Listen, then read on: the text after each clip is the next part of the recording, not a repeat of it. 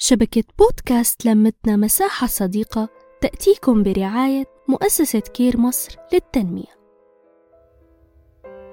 أهلا بيكم أصدقائنا ومتابعينا في بودكاست الحكاية التابع لشبكة بودكاست لمتنا مساحة صديقة. بودكاست الحكاية بيقدم حكاية ومعلومة وتوعية والمهم إن المرأة أول أولوياتنا. جنب بيتي مركز شباب وأنا نازلة الصبح لقيت زحمة بشكل غير طبيعي. سألت عن الزحمة دي وعرفت إن النهاردة هو يوم الرؤية. بيسموه كده.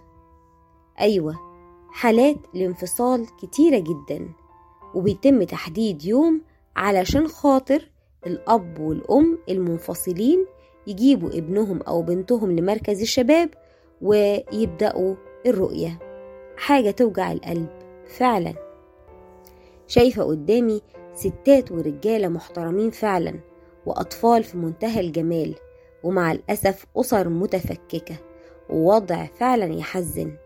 كام امرأة من دول عانت لما انفصلت وكم راجل من دول حس بالمرار لما اتهدم بيته وكم طفل مع الأسف مش بيحس لا بالأمان ولا بالحب رغم وجود الأب والأم. إلا إن مشاعره مشردة لأنه مش لاقي احتواء. وقفت وأنا زعلانة ومش عارفة بصراحة أعمل إيه. بس حسيت إنه علينا دور مهم إن إحنا لازم نوعي نفسنا وأولادنا للحفاظ على أسرنا لأنها مهمة جدا ودورنا في المجتمع هو توعية ما قبل الزواج. وإزاي نعالج مشاكلنا بعد الجواز؟ الحكاية تكاملية مش تنافسية. الزوج والزوجة أساس قوي للمجتمع.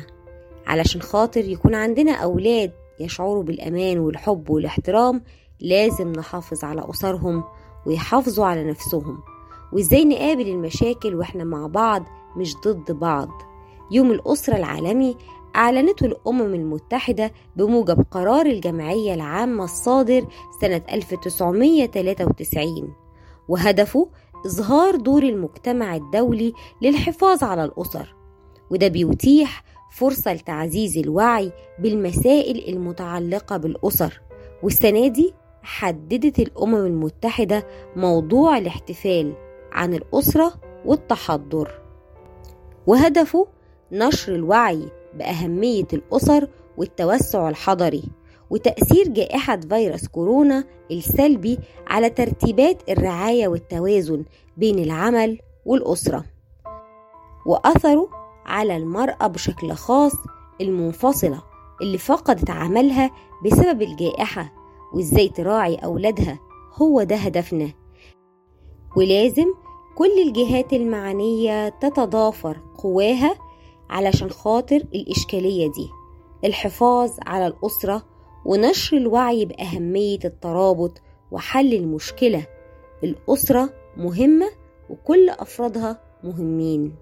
من بودكاست الحكاية التابع لشبكة بودكاست لمتنا مساحة صديقة بيتمنى لكم السعادة الأسرية ودوام الصحة والعافية. كل الحب. صفاء فوزي. نحكي نتشارك نتواصل.